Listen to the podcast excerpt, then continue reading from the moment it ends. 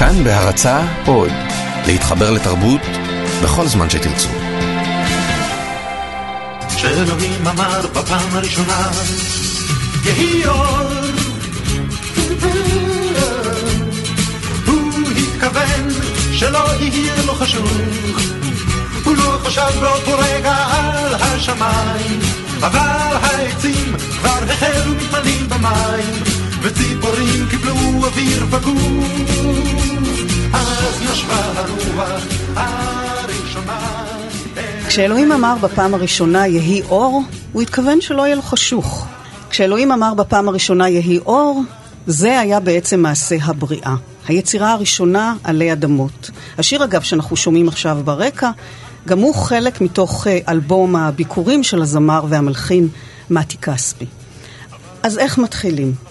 אחרי 23 שנים בכל ישראל צריך להתחיל מחדש, כך שלמעשה התוכנית הזו היום היא תוכנית הביקורים שלי כאן, בכאן תרבות. אני רותי קרן ואנחנו ניפגש אה, מדי שבוע ביום שישי בשש בתדרים 104.9 ו-105.3. היום לרגל השידור הראשון במסגרת הזו בחרתי לעסוק ביצירות ראשונות. אוטוטו חג השבועות, או בשמו חג הביקורים, זמן טוב לדבר גם על ביקורי ספרות. ונראה שלא מעט סופרים uh, קשורים באופן מיוחד ליצירה הראשונה שפרסמו, והם שבים אליה כעבור שנים ואף מוציאים לה מהדורה מחודשת. ארצות התן של עמוס עוז, מסע הערב של יתיר של א' ב' יהושע, שני ספרי ביקורים ראו אור מחדש כעבור כמעט 50 שנה. אצל שניהם אגב, כמו גם אצל סופרים אחרים או מוזיקאים, במיוחד בקטגוריה הקלאסית, ניתן לזהות איכות מיוחדת כבר ביצירת הביקורים ואף בגיל צעיר מאוד מאוד. אבל היום אנחנו בענייני ספרות, עם גיחות מוזיקליות פה ושם. לצידי, באולפן שלוש, החדש, אורית אדיבי שפרסמה זה עתה את ספר הביקורים שלה, לאלף חד קרן, ולצידה הסופרת אסתי ג' חיים, כלת פרס ברנר, שפרסמה כבר חמישה ספרים. ספר הביקורים שלך, אסתי, רקדנית שחורה בלהקת יחיד, פורסם בעצם לפני 20 שנה, נכון? 1997. נכון, לא יאומן. וואו. את זוכרת את התחושות לקראת היציאה לאור, את הרגע הזה של לקטוף את ביקורי יצירתך? בוודאי שאני זוכרת. זה משהו שזה כמו, אני לא אוהבת להשוות, אבל לידות ראשון, לידה ראשונה. האמת היא שאת מה שאנחנו כותבים ויוצא בספר הראשון, נכתב כך בחדרי חדרים, מה שאגרנו כל ימינו, ואין לי מושג, לא היה לי מושג מה יהיה בגורלו, מה יעלה בגורלו. יצא בספרייה החדשה. איך שהוא יצא היה מין פיצוץ גדול. ואני זוכרת שככה הלכתי איזה חודש, איזה מטר מעל פני האדמה, כי הכל היה לא צפוי. לא פחדתי, כי לא ידעתי מה יהיה בכלל, אבל בהחלט התחושה הזאת של ההתרגשות אין קץ אה, עצורה בי עד היום. אורית, אצלך החוויה הזו די טריה. ספרך הראשון ראה אור ממש לפני חודשים ספורים, ומעבר לעובדה שיציאה לאור של ספר חדש, ספר ראשון, היא מרגשת מאוד מאוד. בשבילך העניין הזה משמעותי שבעתיים, משום שבעצם עד גיל 12, נכון? את לא ידעת לקרוא ולכתוב. נכון, נכון מאוד. אה, אני מתחברת מאוד למה שאסתי אמרה כאן לגבי הלידה, אה, רק שמהפן שלי אני חשה אותו כלידה של עצמי, ולא כלידה של ילד חדש, ולכן אה, זה הופך את זה לעוד יותר אישי מבחינתי. עצם היכולת שלי לרכוש את השפה, את הכישורים של קריאה וכתיבה כבר בגיל צעיר ורכישתם רק באמת בגיל 12, כמו שאמרת, אה, הופכת את הפרסום היצירה הראשונה הזאת שלי אה, לדבר אה, שאני מאוד גאה בו. זה הישג שלא האמנתי שאני לעולם אגיע אליו, והוא התממש. אנחנו מדברות בעצם על פער של 20 שנה בזמן, לא מעט פרמטרים השתנו, גם הרגלי קריאה וצריכה, כמובן אופני פרסום ויחסי ציבור, הרשתות החברתיות שעושות את כל תהליך ההיוודעות של הציבור אה, לעצם קיומו של הספר, שלא היו בזמן שאת, אסתי, הוצאת את הספר שלך. כאמור, את פרסמת מאז חמישה ספרים, האחרון שבהם אנשי פינות רעה אור ב-2013. מה השתנה להרגשתך אה, מבחינת ההוצאה לאור של ספר חדש? מה נראה לך שהיה משתנה לו היית מפרסמת את ספר הביקורים שלך היום? אין לי. מושג, כל ספר הוא בעצם קצת ספר ביקורים, כי אתה מתחיל את העבודה תמיד מחדש ומאפס. אז בכל פעם יש, אפשר למדוד את ההתרחשויות בזמן ואת השינויים על פי הספרים ועל פי המועדים שבהם הם יצאו. קודם כל לא היה אינטרנט, ואת בוודאי זוכרת, כי גם את הוצאת ספר ב-2004, ליקוי ירח בפירנצה, וגם אז נכון. לדעתי האינטרנט היה בחיתוליו. והספר השלישי שלי יצא ב-2003, כך שאני זוכרת בדיוק את המעבר. ההבדל הוא שלעיתונות הכתובה היה הרבה הרבה הרבה כוח, והביקורות הראשונות שהתפרסמו, ואחר כך עוד רבות אחרות, כולן היו כתובות ומודפסות שחור על גבי לבן, ואפשר היה למשש אותן. ו... אבל את חושבת שזה היה קשה יותר? כי, כי היום כל אחד יכול כמעט לפרסם ספר. כל אחד שכותב אה, נכון, פוסט בפייסבוק מרגיש שהוא נכון. כבר לאה גולדברג או עמוס עוז. ודאי, הרבה יותר קשה, היו הרבה פחות סופרות אגב. אני חושבת שאני שייכת לדור השני בערך של סופרות שפרצו את דרכן בתחילת שנות התשעים. וזה היה בהחלט קשה, משום שההתקבלות הייתה לא רק של הספרות כפי אם היא טובה או לא טובה, אלא לבדוק איך בעצם כותבת סופרת, כמו שעד היום כשנהגת חונה, אתה אומר, אה, זאת נהגת, וכך הלאה. כלומר, היה מלכתחילה איזשהו, איזה דפוס מסוים לגבי זה. וכמובן, כל השינוי הזה, שהיום כל סופר משווק עצמו בפייסבוק, כן. אז בכלל לא היה לך מושג. ישבתי בשירותים ובכיתי, כי הייתי בטוחה שאף אחד לא קורא. אתה לא יודע. אורית, את הגעת הישר אל העולם החדש של ספרים וספרות. אילו קשיים אה, עמדו בפנייך אה, בכל זאת, אה, אחרי תהליך הכתיבה, אחרי בריאת הסיפור ויצירת הדמויות?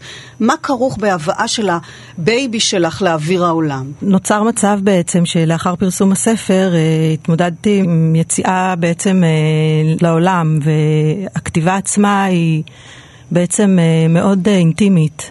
והיא נעשית אה, בינך לבינך בחדרי חדרים, ופתאום כשהספר יוצא לאור ויש פתאום תגובות, ואפילו מתעניינים בסיפורך האישי או ביצירה בכלל, זה יוצר uh, תחושה של uh, אי נוחות בהתחלה. במיוחד שאני באופן אישי uh, לא בן אדם מאוד מוחצן, ובאמת הייתי מאוד קנאית לפרטיות שלי עד אז. אז מצד אחד יש בזה באמת איזה משהו שהוא מעורר הגשמה עצמית, סיפוק, אהבה, אבל של הצלחה של הוצאה לאור של יצירה אותנטית וצליחת כל השלבים הקשים. אבל עדיין אה, אף אחד לא מכיר אותי ככותבת. זהו. ו...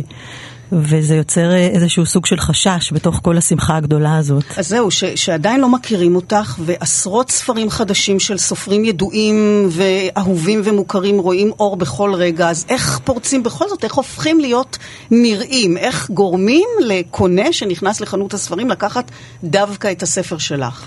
המפיץ שלי הוא מאוד טוב, והוא הצליח אה, באמת אה, להביא את הספר למבצעים אה, ברשתות הגדולות. מעבר לזה, כמו שדיברתם באמת הרגע על העניין של הפייסבוק וכל הפלטפורמות החדשות, שהספר גם שם מיד חובק והופץ, וזה באמת פלטפורמה מדהימה כדי להגיע לכל מקום. אני גם כן בעצמי הלכתי ועשיתי עבודה של חשיפה בחנויות בחודש כן. הראשון. דיברתי על הספר, הראיתי אותו לגורמים אה, שאמורים למכור אותו. אבל זו מלחמה לא הצגתי אותו. פשוטה. זו מלחמה לא פשוטה, כי באמת אתה לא מוכר, ולמה שמישהו יקנה ספר של מישהו שבחיים לא שמע עליו? אתה נו? גם לא מוכר, וגם יש אה, באמת אה, עלייה מאוד מאוד גדולה בשנים האחרונות של אה, הוצאה של ספרים. יוצאים משהו כמו מעל 100 כותרים בחודש, שזה באמת אה, מאפשר גם חיי מדף מאוד קצרים לספרים, על אחת כמה וכמה על ספרי ביקורים, שזה גם איזשהו מכשול אה, שקיים. כן. אסתי, יש הבדל בין הפעם הראשונה לפעם החמישית? משתפשפים, מתרגלים, מתחשלים, או שכל פעם מחדש חווים את הקשיים האלה, אולי אפילו ביתר שאת, דווקא בגלל שמכירים את העסק, והעסק לא פשוט. תראי, לפי דעתי זה נהיה גרוע יותר. כי באמת, החרדה בספר הראשון הייתה קיימת, אבל שוב, מפני שלא היה לי מושג מה עומד לקרות, ובעצם לא ציפיתי לדבר, כל דבר היה הפתעה. בעוד שכעת, א', יש איזשהן ציפיות אולי גם בקרב הקוראים, וכמובן מעצמי, וכמובן, הכי קשה לכתוב את השני, ואחר כך את השלישי, בדיוק. וכך הלאה. והחרדה מאוד גדולה, גם מפני שהעולם השתנה, כמו ש... שדיברנו, וגם מפני שיש תחושה... אני זוכרת שלפני אנשי פינות הייתי בטוחה שהוא יישאר בפינה. כלומר, באמת... וזה הספר החמישי. ודאי, כן. כלומר, והאור נהיה יותר דק. אה, לכאורה נורא קל אה, להתמודד עם מה שנאמר על הספר אחרי שחווית כבר, ואתה יודע מה זו ביקורת, לטוב, פחות טוב, אבל אה, זה כמו לחזור על טראומה, ואז זה נהיה יותר קשה. ואפילו כשהדברים מאוד טובים, והיו לי ביקורות גם זאת אומרת וכולי, לא חשוב. אבל... נדבר עוד מעט על הביקורת גם. לא, טוב, אבל, כן. אבל עצם החשיפה, כמו שאמרה אורית, עצם החשיפה, עצם החרדה, מה יהיה הדבר הבא, גם אם הביורת העכשווית הייתה נפלאה, וגם לקחת אותה בפרופורציה והכל, אנחנו, אבל אני לא ישנה בלילה ואני לא אוכלת, כלומר, כן. זה מין מצב שבעיניי הוא נורא ואיום, ואני חייבת לומר שאני ממש לא אוהבת אותו, לכן אני ממעטת להוציא. בואו נדבר רגע על תהליך הכתיבה שמן הסתם משתכלל מספר לספר. מה את הרגשת, אורית, במהלך הכתיבה? יצאת לדרך בלי לדעת מה יקרה עם הספר הזה, אם הוא יראה אור בכלל, אם הוא יגיע לקוראים. זה נתון שאולי לסופר שכבר פרסם ספר אחד, ובמיוחד אם הוא הצליח, אולי פחות קריטי, אולי. הכתיבה מושפעת מהלא ידוע? כמו שאמרת, אני התחלתי לכתוב את הספר בצורה אינטואיטיבית דווקא, ולכן אה, לא מיד אה, חשבתי על פרסום בכלל, ולכן זה שחרר את אה, תהליכי היצירה שלי להיות הרבה יותר משוחררים, עם הרבה פחות חששות. אבל מהר מאוד ראיתי שהסיפור שבתוך, העלילה, הסיפור שבתוך הספר, הוא מאוד בוער בי כדי, מאוד רציתי שהוא יצא החוצה ושיקראו אותו אנשים רבים, ולכן אז התחיל, תהליך הכתיבה שלי מעט השתנה. כתוצאה מכך. אם בהתחלה התחלתי מדמות מסוימת שהיא הייתה מאוד פנטסטית, שזה דמות אחת קרן שאולי יכלה אפילו להביא את הספר להיות אה, איזשהו אה, ספר אה, פנטזיה, בהתחלה אה, בכלל הוא היה פגסוס. שזה בכלל, הוא הפך להיות חד קרן רק מאוחר יותר. אז הייתי ממש משוחררת לכתוב אה, כאוות נפשי ודמיוני הפרוע. אבל מהר מאוד אני קרקעתי את זה קצת יותר, החד קרן הפך להיות בעצם סוס. עם מיתוס של חד קרן, וזה משהו שבאמת אה, אה, היה איזשהו תהליך. יש חרדות במהלך הכתיבה, או שיש באמת צורך לכתוב, וכל העניין הזה יתפרסם, לא יתפרסם, יצליח, לא יצליח, בכלל לא רלוונטי. אה, יש חרדות מכיוון שזה תהליך מאוד סיזיפי, שכרוך באמת לא רק בשיפוץ איזושהי פסקה או תיקונים טכניים, אלא באמת אה, ברמת הרעיון והבנייה של כל העלילה וכל הדמויות בתוכה והתרחישים, ושזה צריך להיות מאוד uh, קונסיסטנטי, שהכל צריך באמת להתלבש בצורה מאוד, uh, מאוד טובה אחד עם השני. החרדה היא באמת, האם אני אצלח את התהליך עד סופו. אם הסיפור לא היה מספיק בוער בי, או הרעיון שעומד מאחורי הסיפור לא היה מספיק בוער בי כדי שאני בעצם מרגישה שאני חייבת להוציא אותו, אז זה לא היה, לא הייתי עומדת אולי בכל מסע, מסע הייסורים האלה. שדורש באמת התמדה וכוח רצון ולהשקיע המון זמן ואחר כך גם לעבוד עם, לחפש הוצאה ולעבוד עם עורך, שזה באמת באמת תהליך מאוד מאוד ארוך שלא הייתי מודעת לו בהתחלה. כן. ויש בזה את היתרונות והחסרונות. כן. אמרנו קודם שבלא מעט יצירות ביקורים כבר ניכר uh, כישרון ואיכות, אפילו תו זיהוי של היוצר, של הסופר uh, או של המלחין.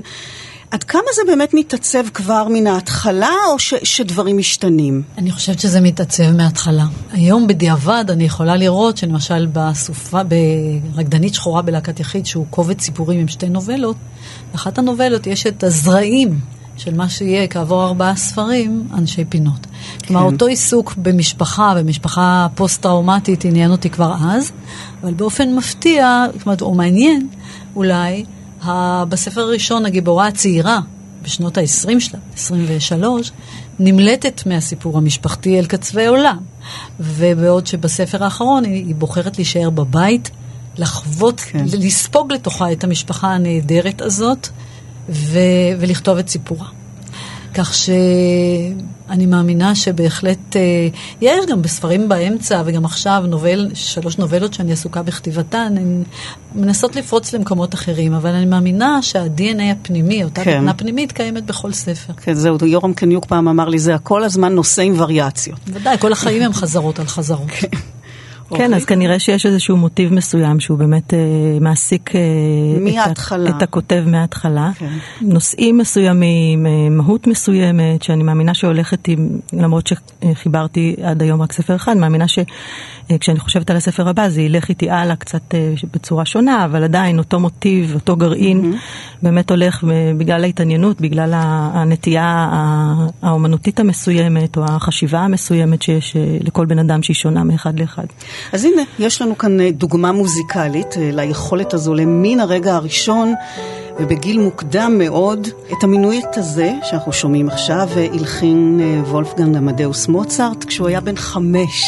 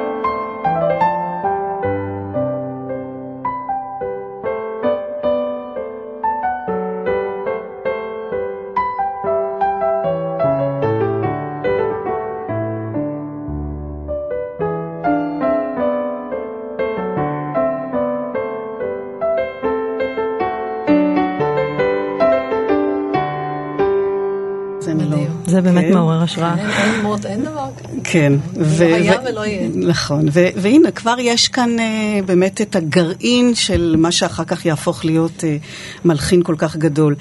רק נזכיר, אנחנו משוחחים היום על אה, יצירות ביקורים באולפן כאן תרבות, הסופרות אורית אדיבי ואסתי ג' חיים ואני רותי קרן. ואת הזכרת קודם, אסתי, את הספר השני. באיזשהו מקום נדמה שיש איזו חובת הוכחה במיוחד אם הספר הראשון הצליח, על הספר השני דווקא. להוכיח שזה לא מקרי, להוכיח שאתה באמת סופר, שאתה יודע לכתוב, שיש לך באמתחתך חומרים. הייתה חרדה כזאת במהלך הכתיבה של הספר השני? זהו, העניין הוא, הספר הראשון יצא אצל, בספרייה החדשה, ומנחם פרי היה אורחו, ומנחם פרי, אם יהיו לו, זאת אומרת, הספר התעכב מכל מיני סיבות, ונדמה שכשיוצא הספר הראשון, בעצם זה כל מה שיש באמתחתך. אבל למעשה כבר התחלתי לכתוב את השני. השני היה איזשהו ציווי של אבי לכתוב את זיכרונותיו וזה סיפור ספציפי, סיפור אהבה מיוחד שהיה שם. וכשכבר, אה, כשהספר הראשון יצא, שלוש שנים אחרי שהוא הוגש להוצאה, כבר היה לי חצי או יותר מהספר השני. ודאי שלהוציא ספר, בכל ספר נדמה שזהו, וגם אני לא מבינה בכלל איך הדברים, כי תמיד אני אומרת שלפגוש את הסופר אי אפשר. המפגש עם הסופר, זה כמו שבורכס אמר, בורכס ואני, ההוא, השני, הוא זה ש... שכותב את הספרים. אני לא יודע בכלל מי הוא. כלומר, אותה, אותו, אותו מצב של כתיבה הוא מין מצב תודעה בלתי מובן לי, לא ברור מאיפה זה יוצא, ובוודאי שלא יוצא עוד אחד. ואז מה שמפתיע, שכן יוצא. אז יש תסכול כשדברים לא יוצאים, כי לי זה, באמצע אני כותבת סיפורים קצרים, זה יוצא בקלות, אבל לשבת ולכתוב את אותו אורך נשימה של רומן, תמיד נדמה לי שלא יהיה עוד. ויש חרדה שזה לא יקרה. כן. עדיין. אורית, את סיפרת קודם שהתחלת לקרוא ולכתוב בגיל די מאוחר, אה, בגיל ש... שהנה אנחנו רואים, במיוחד אגב אצל מלחינים זה קורה בגיל מאוד מאוד צעיר, אצל מוצרט זה קרה בגיל חמש. אה, יוני רכטר שלנו כתב אה, את השיר הראשון שלו, דמעות של מלאכים, בגיל חמש עשרה. גם שלום חנוך כתב בגיל הזה. מתי את התחלת לכתוב ספרות? מה הביא לזה? התחלתי לכתוב ספרות אה, בתיכון. אה, כלומר, די סמוך לזמן שהתחלת... אה, אה, בגיל 12, כשעליתי לכיתה ז', אה, בעזרתה של חיה ורד ז"ל, אני חייבת לציין, כי באמת אני חבה לה את זה, שהיא לקחה אותי תחת חסותה במסירות מלאה ובהתנדבות מלאה. היא הייתה קשובה ולא ביקרה אותי, והיא מצאה שיטות באמת איך ללמד אותי, ו- ובזמן מאוד מאוד קצר הצלחתי לעשות את זה. כך שעליתי לכיתה ז', כבר יודעת לקרוא ולכתוב. ואז אה, מאוד התעקשתי להיות במגמה הספרותית, למרות שלא כל כך רצו לאפשר לי, כי החליטו שגיאוגרפיה זה יותר קל, אבל הבעיה הייתה שהלקות למידה שלי נפלה על, אה, על קשיים שלא יכולתי ללמוד גיאוגרפיה, למרות שבאמת על פניו זה נשמע מקצוע יותר קל, וספרות הייתה בשבילי הרבה יותר אה, מתאימה גם לאישיות שלי, כי דווקא ספרות היה לי יותר קל. כי למצוא מקומות בתוך מפות אטלס היה בשבילי כמעט בלתי אפשרי. אה, ובאמת אה, בקושי רב שכנעתי את מנהל החטיבה, או כמעט תיכון, אה, שאני אוכל אה, להצטרף למגמה הזאת. ושם בעצם נפתח לי, אה, מעבר לחיה ורד כמובן, שהיא הייתה משוררת והיא כל הזמן הראתה לי את החומרים שלה, ואני הייתי מאוד בתוך העולם שלה, אז נחשפתי כבר שם. אבל בעצמי יותר באמת תוך כדי לימודי המגמה. התחלת לכתוב אה, סיפורים, שירים. שירים. דווקא. הלכתי כן. ממש לדרכה, אחת, אחד על אחד. והיו קשיים מיוחדים ב- ב- בתהליך הכתיבה בגלל אותה מגבלת אה, אה, ילדות? כן, היה פער של אה, אה, אוצר מילים דל יחסית, אה, כי לא קראתי עד גיל 12, וזה זה דבר שמאוד היה בעוכריי. אה, אבל מהר מאוד אה, אה, הדבקתי את הפער, ופשוט מתוך התעניינות, והשקעתי המון זמן, כן בקריאה. המון של שירים, לא, לא רק סיפורים, כן. בעיקר שירים, וצמצמתי איכשהו את הפער, אבל אז גם היה קושי של שגיאות כתיב. שהיום מאוד קל להתג- להתגבר על זה עם המחשב ועם מילונים, אבל היה, היה כל מיני קשיים טכניים יותר. אז זה היה עבורך בעצם ניסיון, והצלחה כמובן, כמו שאנחנו רואים, להוכיח לעצמך שדווקא במקום הזה, שהיית מחוצה לו כילדה, נבדלת, מנותקת, בודדה, דווקא במקום הזה, את מצליחה אפילו להיות סופרת. את תופסת את עצמך כסופרת, או שזה עוד זר לך, הטייטל הזה? הוא גם זר וגם לא זר, זאת אומרת, אה, עמוק בתוכי אני כן חושבת שאני הצלחתי להפנים את זה. באמת כי תהליך כתיבת הספר היה מאוד, אה, מאוד משמעותי ועמוק. זה לקח כמה שנים. עם יציאה וכניסה והפסקות, אה, וככה שהוא מאוד עובד בתוכי ואני כן מרגישה שאני סופרת, אבל אה, שוב, אה, הדרך עוד לפניי. מתי זה קורה, אסתי, שזה לא נשמע זר ומוזר להיקרא סופר מהספר הראשון, או שנותנים לזה עוד אה, ספר או שניים? זה לא קורה. זה תמיד זר ו- ומוכר גם יחד. כלומר, תמיד יש את אותה חרדה שאין לך, אתה לא יודע אם מה שאתה כותב בכלל שווה משהו. מצד שני, זה הרי מאוד פרדוקסלי, אנחנו הרי כן פקעת כזאת של סתירות, אז אה, בספר האחרון למשל הרגשתי, בשיחה הראשונה עליו, באיזה מקום, באיזה קבוצת קריאה, הרגשתי שמה שלא יהיה, יש בתוכי, ככה בבטן, איזו תבנית פנימית שמרגישה ויודעת שמה שעשיתי כן ראוי באיזשהו אופן. אבל... אה, ולגבי הטייטל הזה? זה טייטל, זה כאילו, זאת כותרת, הכותרת לא חשובה, מש, מה שחשוב זה המלאכה והתוכן והניסיונות האלה לכתוב, כמו ששם בספר אה, באנשי פינות אומרת הדודה אסתר נני, כאילו חיית טרף יושבת מאחוריך, ומה mm-hmm. זה חשוב, איך קוראים לזה. כן. זה לא חשוב. מכל מקום, במהלך הכתיבה אתה לא עסוק במי אתה ואיך אתה מכונה, אלא בעולם שאתה בורא, ביחסים, בעיצ... בעיצוב הדמויות, בניסוח, בכתיבה עצמה. כשזו פעם ראשונה, יש מן הסתם הרבה חוסר ביטחון, ובמפגש של הסופר עם העורך, שהרי לכל ספר כמעט יש עורך, עורכת, יש איזה מאזן ודיאלוג שלפעמים דורש שינויים מהותיים, בעיקר צמצום וויתור על מרכיבים של הסופר, ובוודאי אם הוא מתחיל, נראים מאוד משמעותיים. בספר שלך, אורית, אה, לאלף חד קרן, סיפרת לי, גם אמרת את זה פה קודם, שכתבת קודם את סיפורו של היצור הדמיוני הקסום הזה, חד קרן, כמשל אולי לאנשים יוצאי הדופן, החריגים בחברה, אולי כביטוי לחריגות שלך שרצית לתת לה ביטוי ספרותי, אבל בתוצר הסופי סיפורו של החד קרן נותר במינון נמוך יחסית, כי אה, אני מניחה שהתבקשת על ידי העורכת להוסיף לו את הסיפור של גיבורת הרומן שלך אהובה ולהפוך אותו למרכזי. נכון. העורכת שלי, גיא עד, המופלאה, אה, מאוד מאוד התחברנו אה, בעבודה משותפת והייתה כימיה מאוד גדולה והבנה. הבנה עצומה שלה את, אה, את נפשי ואת היצירתיות, הכיוון היצירה שלי. לא התבקשתי על ידה להפוך את זה, יותר חשבנו איך אפשר לצמצם את עניין הפנטזיה ויותר להשתלב עם החיים האמיתיים. ולכן הוספנו בעצם את אהובה, שהיא, אה, שהחד קרן, שהוא סוס, אה, שמכנים אותו חד קרן, יותר מראה לה את הדרך, הוא יותר אה, הפך להיות איזשהו מיתוס, איזשהו סמל, איזשהו, איזושהי דמות אוניברסלית, שלאו דווקא מבטאת רק את, ה, את, את מקומם של החריגים, אלא באמת את כל אדם באשר הוא. מכיוון שהוא באמת ביטא את הייחודיות שיכולה, ש, שטמונה בכל אחד, ואת הרצון של כל אחד מאיתנו באמת שיראו אותו, שיאהבו אותו, ש, שיכבדו אותו. עם הרצונות ועם הגרעין העמוק והמיוחד שלו. כן, אבל את, אני הבנתי שאת רצית שזה יהיה בעצם הסיפור, והיית צריכה לעשות איזושהי אה, התאמה ולהפוך קצת, או לשנות את האיזונים בתוך ה... אני, כן, נכון, אבל אני הרגשתי עם זה מאוד, שזה מאוד מאוד נכון לי כן. אה, לעשות את זה כך, ו, ו, ודווקא שחד קרן, שהוא הדמות המרכזית, הוא יראה לה את הדרך באיזשהו מקום, הוא ישתקף. אה, היא תשתקף דרכו והוא ישתקף דרכה. אבל בכלל, כל המשא ומתן הזה אה, בין הסופר לעורך, ונניח בקשות או המלצות, או לפעמים אפילו דרישות של העורך, אתן חושבות ש...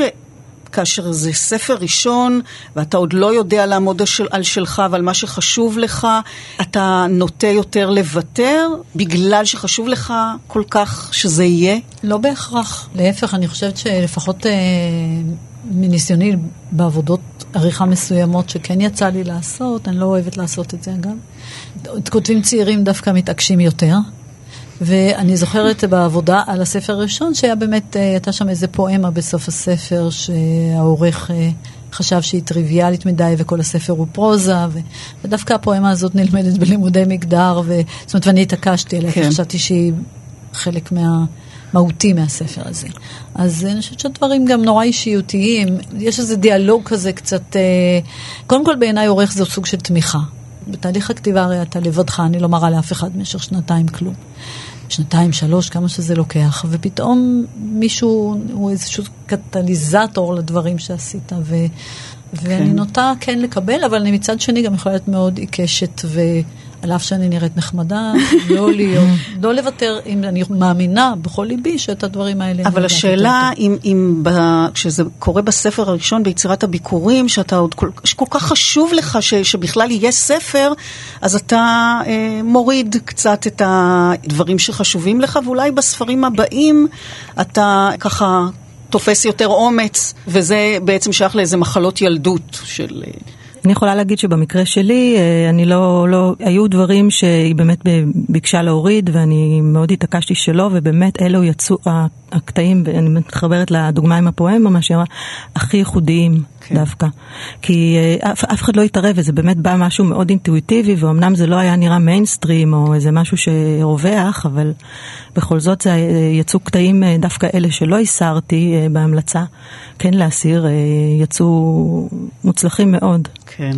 אני חושבת שאתה לומד במהלך השנים, זה כן משהו שנצבר עם הניסיון, אה, לערוך את עצמך יותר אולי. ואז גם יש עין קצת יותר טובה אולי מאשר בספר הראשון, מה כן צריך להוריד ומה לא. זאת אומרת, הוויכוח הוא לא סתם ויכוח, אלא הוא יכול לבוא ממקום שאתה באמת מאמין ומרגיש ומבין, אפילו מבעד לניסיונך והאינטואיציה שלך, ש, ש, שזה צריך להישאר. כן. טוב, הכתיבה הסתיימה, העריכה הסתיימה. איך התחושה? הקלה, שחרור או ריקנות? אה, גם וגם וגם וגם. אני יכולה להעיד על עצמי שבהתחלה הייתה אופוריה גדולה, באמת התרגשות אה, של אה, הגשמה של, של חלום שלא היה ברור בכלל שיקרה. באמת המון אה, גאווה ושמחה, אבל אה, לאט לאט, אה, באמת אה, אם לא ממשיכים אה, לעסוק בכתיבה אה, לפרויקט אחר או בכלל, אז אה, נכנס איזשהו חלל, כי זה צורך. כתיבה היא צורך, היא לא משהו שאפשר אה, להפסיק אותה או להתעלם ממנה או לתת, לתת לה לנוח. וגם אם אמרתי לעצמי שאני ממש ממש רוצה לנוח רגע, לא כל כך הצלחתי ובאמת אה, המשכתי לכתוב, וזה קצת עזר לי לפוגג, אני חושבת, את תחושת ה, את, אה, החלל הזה שאת מדברת עליו, שהוא נפער. אני חושבת, אני בין לבין, יש לי, יש לי המון סיפורים קצרים, הם פשוט נובעים ככה, אני מאוד אוהבת סיפורים קצרים. Uh, הנה עכשיו יוצאת אנתולוגיה בשם עד קצה הזריחה, שיש בה סיפור קצר, שהוא דווקא עוסקת בדבר הפוך מביקורים, בזקנה. Mm-hmm. אבל, uh, ואז אתה רגוע, דווקא בתוך אנתולוגיה אתה חלק מאיזה חבורה. כן. בעוד שכשיוצא ספר ואתה האחראי הבלבדי לו, התחושה היא קודם כל בעיניי של פרידה. וריקנות, ופעם אמרתי שהייתי רוצה לרוץ בלילה, ככה כשלוקחים הספרים, אני יודעת שיופיעו בחנויות, לרוץ ולפרוץ לחנויות הספרים החשוכות ולהחזיר אליי את הספרים, כדי שיהיו מוגנים, אה, ושלא ייחשפו לעולם הזה, כי הוא, כי הוא לא פשוט ולי קשה איתו, אז בוודאי גם לספר. ואני דווקא כן צריכה הפסקה ממשהו ארוך, אני צריכה גם לחיות, כי בזמן הכתיבה, הדבר הזה הוא כל כך טוטאלי, הוא גובה ממני מחיר כל כך גבוה. נפשית וגם פיזית, למען האמת, כי אני כותבת בלילות ולא ישנה כל כך. ו... ואני מוכרחה להיטען. עכשיו, הסיפורים הקצרים זה משהו שהוא נובע בקלות, אבל כדי לכתוב עוד רומן, אני מוכרחה את הזמן הזה, והריקנות, אה, אה, מצד שני, הצורך קיים, הריקנות הזאת בעיניי גדולה מאוד. גדולה מאוד. אז זהו, אנחנו מדברים על, על הדבר האינטימי הזה, ובאמת ה, לצאת לאור, זה מעבר לא קל, וצריך להתגייס מחדש, וכל הסיפור הזה בין הסופר ליצירתו, ש, שעורך כל כך הרבה זמן, ולפתע הוא צריך להיחשף. ובואו נגיד את המילה הגסה הזאת, למכור, נכון? אה, לא נעים, אבל גם אה, ספר הוא מוצר, וכל מי שכותב... רוצה להגיע אה, לכמה שיותר קוראים, ועם זאת נדמה לי שבספר הראשון אה, העיקר בעיניך ש, שהוא יודפס, שיהיה ספר, שהוא יעמוד על המדפים, שיהיה ביטוי מוחשי לכל המשהו ההיולי הזה שעסקת בו כל כך הרבה זמן, אפילו על תמלוגים וכסף לא ממש חושבים, נכון? לא שתמלוגים שווים משהו. נכון מאוד. כן? באמת מה שחשוב אה, הוא עצם אה, יציאת היצירה, כמו שאמרת, והרבה פחות, אה, אני לפחות מתעסקת עם, ה... עם כמה קנו, למרות שזה תמיד משמח, אבל עצם היציאה של היצירה לאור היא החשובה, ובעצם אתה משחרר משהו מעצמך. בגלל זה גם דיברתי על לידה שלי ולא לידה של ילד, למרות שילד הוא גם שלך, וזה משהו שאתה בעצם אה, היה רק אצלך, ופתאום אתה, או חלק ממך, ופתאום אתה נותן, אה, זה יוצא לאור ממש, אה, תרתי כן. משמע. אז איך עברו עלייך הימים הראשונים, אורית? את נכנסת לדרוש בשלומו, ספרת עותקים בערימה, שאלת את המוכרות איך זה הולך? יצאתי לשטח, בהחלט. כן. בחודש הראשון הייתי בשטח. ליווית אותו. ליוויתי אותו, הצגתי אותו בפני כל מיני מוכרים ברשתות כדי שידעו עליו, כי שוב, הבעיה בספר ביקורים הוא שבעצם אה, אפילו הסופ... המוכרים לא כל כך אה, שמים את אה, דעתם אל... אליו, כי במיוחד אם הבן אדם הוא לא מפורסם כן. מקודם בדבר, באיזשהו נושא תחום אחר. כן. אז לא, היה זה צורך... סלב שהוציא עכשיו היה, ספר. כן, כן, היה צורך לדחוף. אם, אם לוקחים כן את האנלוגיה של ילד, אז ללוות את הילד, נולד ילד, עכשיו צריך לגדל אותו. כן, צריך לעזור לו ללכת. אותו. כן. לעזור לו ללכת, לעזור mm-hmm. לו אה, בכל המהמורות שהרבה פעמים אה, הוא נתקל בהן. ואני מבינה שזה בטח ערב רב של רגשות, מבחינתך בוודאי, זו אופוריה, זה איזה אושר עילאי, או שזה מעורבב גם עם דכדוך אפילו. זה לא אושר עילאי, זה אושר, אה, זו תחושה של הגשמה, זה משהו באמת מאוד מאוד פנימי, שקשה לתת לו, אה, קשה לו להיות מוחצן, אפילו סוג של, אה, אני מרגישה הרבה פעמים נבוכה. שכותבים לי נגיד ביקורות או מגיבים, או... כי אני שוב לא בן אדם שאף פעם הייתי בפרונט, זה פעם ראשונה והכל כל כך אינטימי בכתיבה, אפילו עם העורכת זה עדיין אינטימי. וזה הרבה פעמים אפילו אה, מעט מביך לקבל אה, שבחים או תגובות. כן. אני רוצה לומר בעניין המכירות, אנחנו חיים בעידן מאוד צרכני. והמכירות נהיו דבר מאוד חשוב אה, לכאורה, ואני, אה, ספרים נגיד שמאוד מאוד, היו נגיד ספרים שנמכרו אה, בכמויות גדולות יחסית, לא תמיד הגיעו לקוראים הנכונים. ואני ממש, זה, אני ממש לא, לא, לא, לא אכפת לי. כלומר, אני אשמח אם יקראו, אבל שיקראו באמת מי שהספר ייכנס לליבם. ולא כאלה שיגידו לי, אוי, זה היה ספר נורא קשה. כך שהעניין הזה, לצערי, אני, חושבת, ספרים נגיד אולי מסוג מסוים, צריכים לדאוג להם במיוחד. ולא למכור את כולם כאילו באותו אופן, שמה שחשוב זה כמה הם נמכרו ורשימות רבי מכר וכולי. בואו נשמע עוד דוגמה מוזיקלית, אה, יצירת ביקורים. נשמע את אריק איינשטיין, מתוך אה, אלבום הבכורה שלו. זה אריק המוכר והנפלא, אבל אפשר לשמוע את הקול השונה והבוסרי גם כאן. השדרות, העיר והלילה הזה, השדרות, העיר והלילה הזה. הספסל הרעוע וכוכב שנפל, הטלטל הפרוע, הרטוב מן הטל, והמון כוכבים הקורצים לך מעל השדרות העיר והלילה הזה, השדרות העיר והלילה הזה רוח ים מנשבת ויוצאת במחול משאית מתקרבת הצדפים שבחול הגלים הקוצבים ושירם הכחול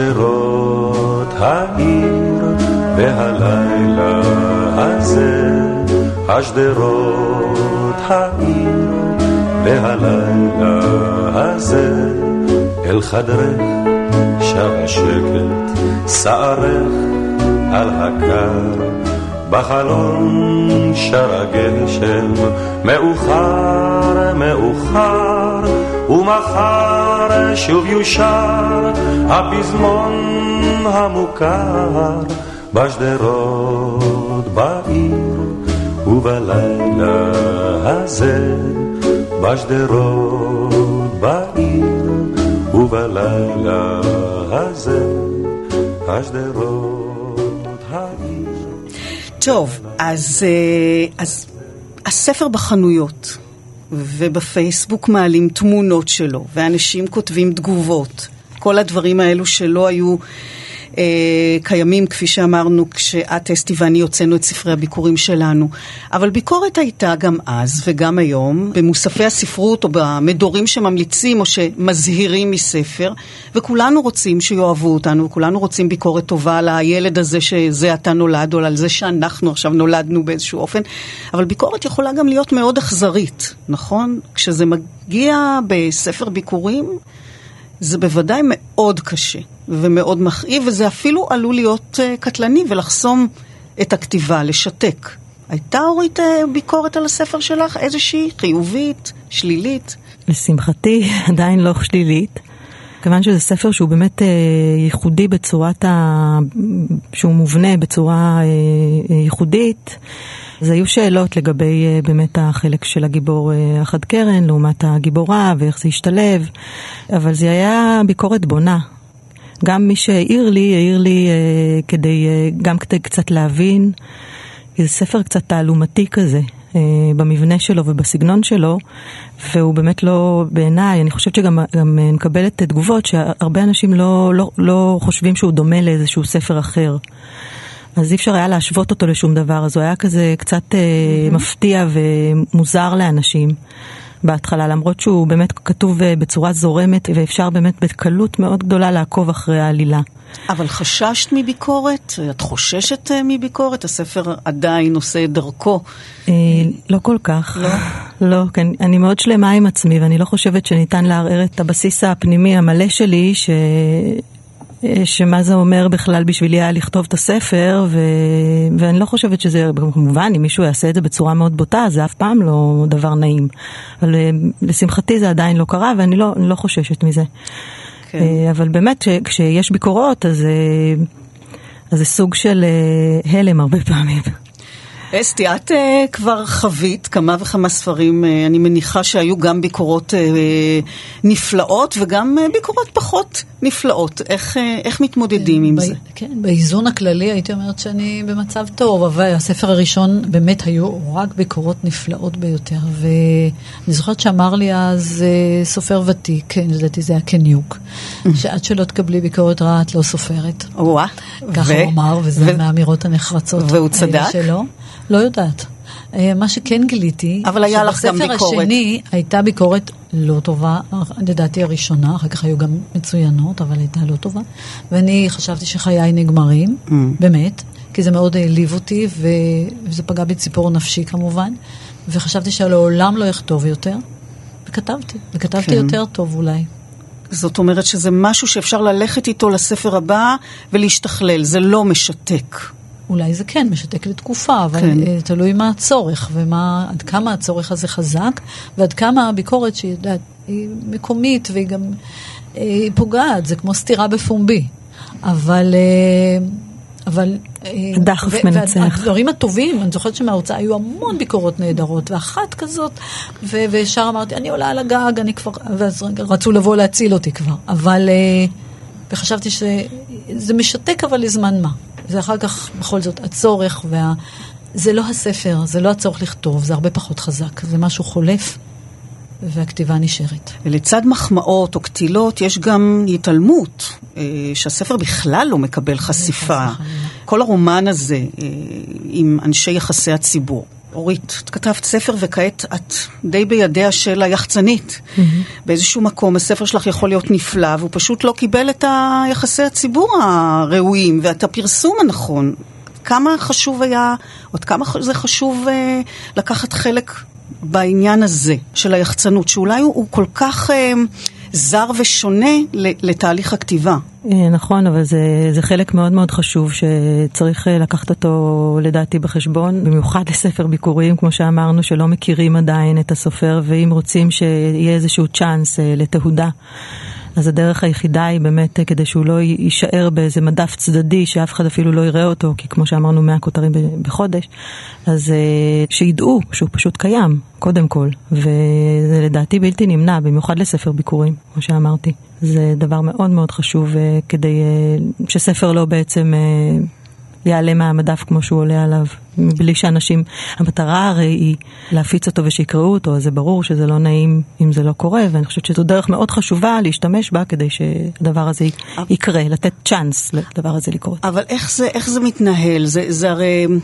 זה משהו שהוא חורג וחריג למעשה היצירה. לגמרי. אני חושבת שהעובדה שספר הוא מעשה אומנות. לכתוב ספר זה מעשה אומנות, ואומנות, גם אומנות פלסטית ואחרת, תיאטרונית, נמכרת.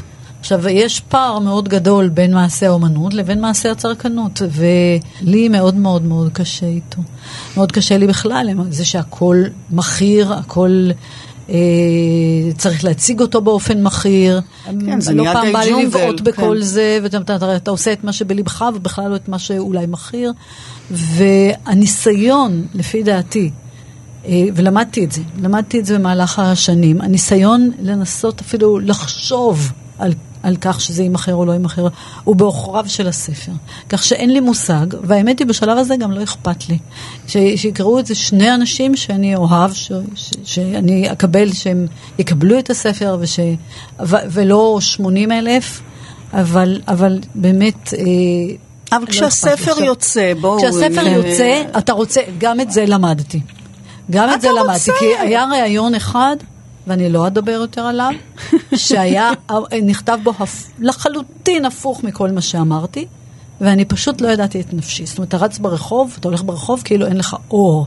ואני לא מתראיינת יותר על מוספים אם, אם, אם אני לא כותבת את הדברים האלה מראש, ואם הדברים האלה לא עוברים דרכי כך שאני אדע מה, מה, מה אבל. בכלל, הרי הדרישות של היחצן... אבל הב- אנחנו מכירים יחצנים, והם הרבה פעמים, הנה, אה, אה, אפילו אני עשיתי את זה אולי במידה מסוימת פה, למרות ש... כן, כל, למרות ש... בכל הוצאה יש יחצנים, כן, זה לא כזה סוד. נכון, והיחצנים מבקשים ממך את ה... מבקשים דם. כי אה, למה שנראיין עכשיו אה, את אורית אדיבי שהוציאה ספר ביקורים, אם אה, עמוס עוז עכשיו הוציא ספר, או, או דוד ברור, גרוסמן, ברור. או כל הסופרים שמיד יהיו בראש רשימת רבי נכון. המכר, לא משנה מה הם כותבים, אז מבקשים מאורית שתיתן קצת דברים פיקנטיים, ואז אתה צריך לשתף פעולה עם דברים שאולי פחות נוח לך איתם. אני לא עושה את זה. אני משתפת רק עם מה שנוח לי, ורק עם מה שאני מרגישה שלמה איתו, ומה שלא אה, יפגע באנשים אחרים זה בטוח. אה, אני לא מוכנה אה, לחשוף דברים שקשורים נגיד ב, באמת באנשים אחרים, כי אה, אין סיבה.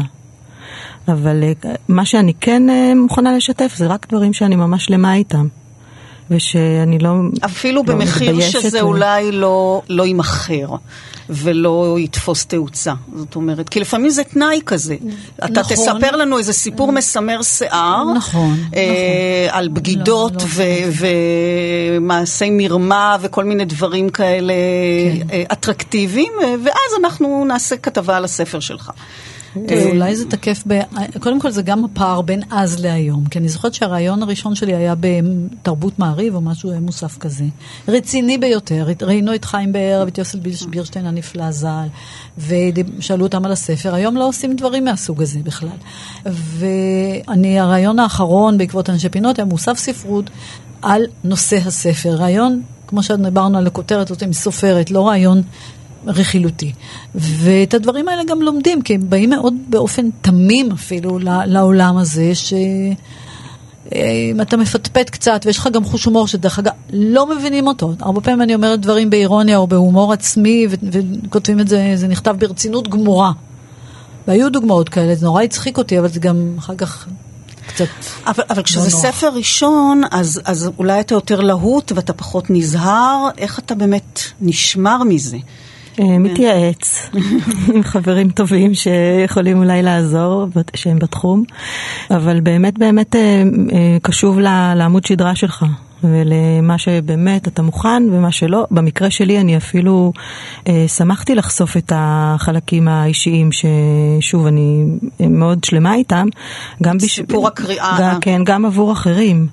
אה, כדי שזה ייתן באמת איזשהו אה, תקווה גם למי שמתמודד, שנמצא באיזשהו שלב יותר מוקדם בתהליך של התמודדות עם כזה דבר, שסיפור אה, הצלחה יכול... סיפור הצלחה ענק. כן, יכול ממש אולי לעודד, כן. שזה יכול להתרחש גם בחייהם ולתת כן. איזשהו אופק. ספר ביקורים, ספר ראשון מתוקף היותו ראשון הוא חד פעמי במהותו. אה, לא יהיה עוד פעם ספר ראשון, והראשוניות אינה חוזרת. אה, את כבר רואה את עצמך, אה, אורית, או את כבר רוצה להיות במקום שאסתי נמצאת בו, הניסיון, הביטחון? את רואה את עצמך ממשיכה בכתיבה? אני מאוד הייתי רוצה לראות את עצמי במקום של אסתי, במיוחד של אסתי, נראה שהיא כה הצליחה. כן, אני, אני מקווה שבאמת יהיה לי את כוחות הנפש עכשיו, כשאני כבר יודעת כמה התהליך הוא סזיפי וקשה, ושבאמת מוזה לא מספיקה. באמת אה, לעבור שוב תהליך כזה. אני שוקלת את זה מאוד מאוד מאוד בחיוב, כבר התחלתי לכתוב אה, אי אלו דברים. אה, אבל אה, אני עדיין לא בטוחה במאה אחוז, אבל נראה לי שבאמת הכתיבה היא יותר מדי דחף ויותר מדי באמת איזשהו צורך עמוק, שקשה לי להאמין שאני אצליח... אה, לרסן אותה. לרסן אותה. אסתי, יש משהו שאת מתגעגעת אליו באותו מצב של פעם ראשונה? אנחנו הרי תמיד זוכרים את הנשיקה הראשונה, את האהוב הראשון. יש משהו רומנטי בפעם ראשונה. את מתגעגעת למצב של לפני שהכל קרה, או שהביקורים יפים לשעתם, והצמיחה והפריחה וטיפוח ועיבוד הגן על פירותיו, אם נחזור לעניין הפירות ביקורים, הם הדבר האמיתי. תראי, אמ, היחסים עם ספר שנכתב, ולא משנה אם הוא הראשון, כי כולם ראשונים מבחינתי, אה, הוא כמו עם קרובי משפחה שאתה בעצם פוגש, רחוקים, שאתה פוגש רק בשמחות, נגיד. לא בלוויות חלילה. אבל uh, כך שאני לא קוראת ולא מביטה לאחור, כי מה שמעניין אותי הלאה זה בעצם מה שעוד לא כתבתי, לא מה שכבר כן. והחוויה, אני לא מתרפקת עליה, הרי זה מורכב, אבל לפעמים זה נעים, נגיד, uh, אם אני עושה סדר בארון, אני מוצאת את הביקורת הזאת שבה כתבו שאני התגלית של מנחם פרי, אז זה נחמד לראות. כן. את התגלית כשלעצמה. זה נחמד לראות, או שיש תקופה שחוש... שנדמה שככה הדבר, אבל, אה, אבל הלאה, וזה סוג של, אה, לא הייתי אומרת מלחמה, אבל מאבק. זה מאבק בעצמך, זה מאבק בעולם, מאבק במילים, כי בעצם לכתוב בעיניי זה לא משהו שנע על מי מנוחות. זה כן נכון. איזשהו מאבק עם מילה סרבנית. ו- ועם הסיפור, ועם הצורך לחיות ולא לכתוב, כי יש משהו בחיים שמאוד קורץ ו- ונוטה לוותר לעיקשות הזאת, ו- וללילות ל- עם שינה ולא ללא שינה, אבל מצד שני הכתיבה היא מאהב, וכשהוא מאהב חדש, את יודעת, לפעמים זה כיף גדול, כי זה התאהבות, ואחר כך זה מאהב ב- בהפסקות. אסתי גימל חיים. אורית אדיבי, תודה רבה לשתיכן ובהצלחה. כאן תרבות, אני רותי קרן, שבת שלום לכם, להתראות בשבוע הבא, ואנחנו נסיים, אפרופו שינה ולילה, עם לילה של שלום חנוך שהוא כתב בגיל 15. תודה רבה לך רותי. תודה רבה רותי. ושבת שלום. שלום. להתראות. מעל הצמרות עדים העננים כשהירח אל הגן מניד ראשו נותן סימן, אפשר לשבת שם בפינה אותו ספסל, קלט את כל כמות הטל והתרטב, תיקח מגבת, אומר הלילה ושוכב. הלילה הזה שום סימן הוא לא נותן. הוא מעוור, הוא מכוון את התנועה בשלל גחליליות. הוא מספר מעשיות והוא חושב שילדים מאמינים לזה. מן לילה שכזה, כזה.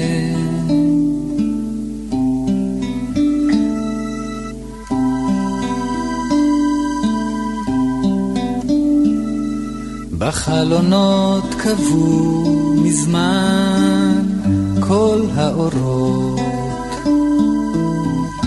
ושתי עיניים ירוקות שולחות סימפוניית ענקות סולם מינורי בביתני התינוקות מייללים בהפסקות נצבת הלב, היי אמא אורי, אומר הלילה ושוכב.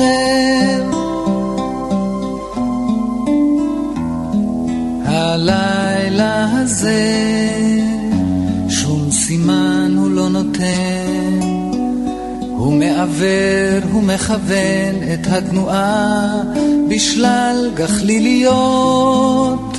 הוא מספר מעשיות, והוא חושב שילדים מאמינים לזה, מן לילה שכזה, כזה.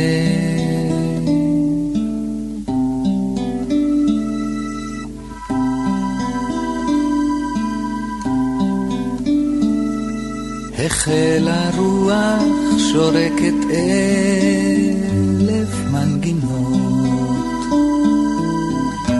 חצר פניה מליטה עוצרת את נשימתה, כי באורח הסהר מעגל את פיו, במין חיוך כל כך חביב, ומסתרק אתה קרח, אומר הלילה וצוחק.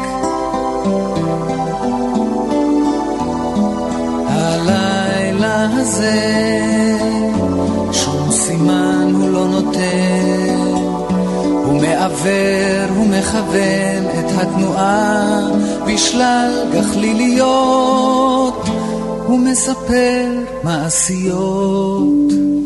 והוא חושב שילדים מאמינים לזה, מלילה שכזה, כזה.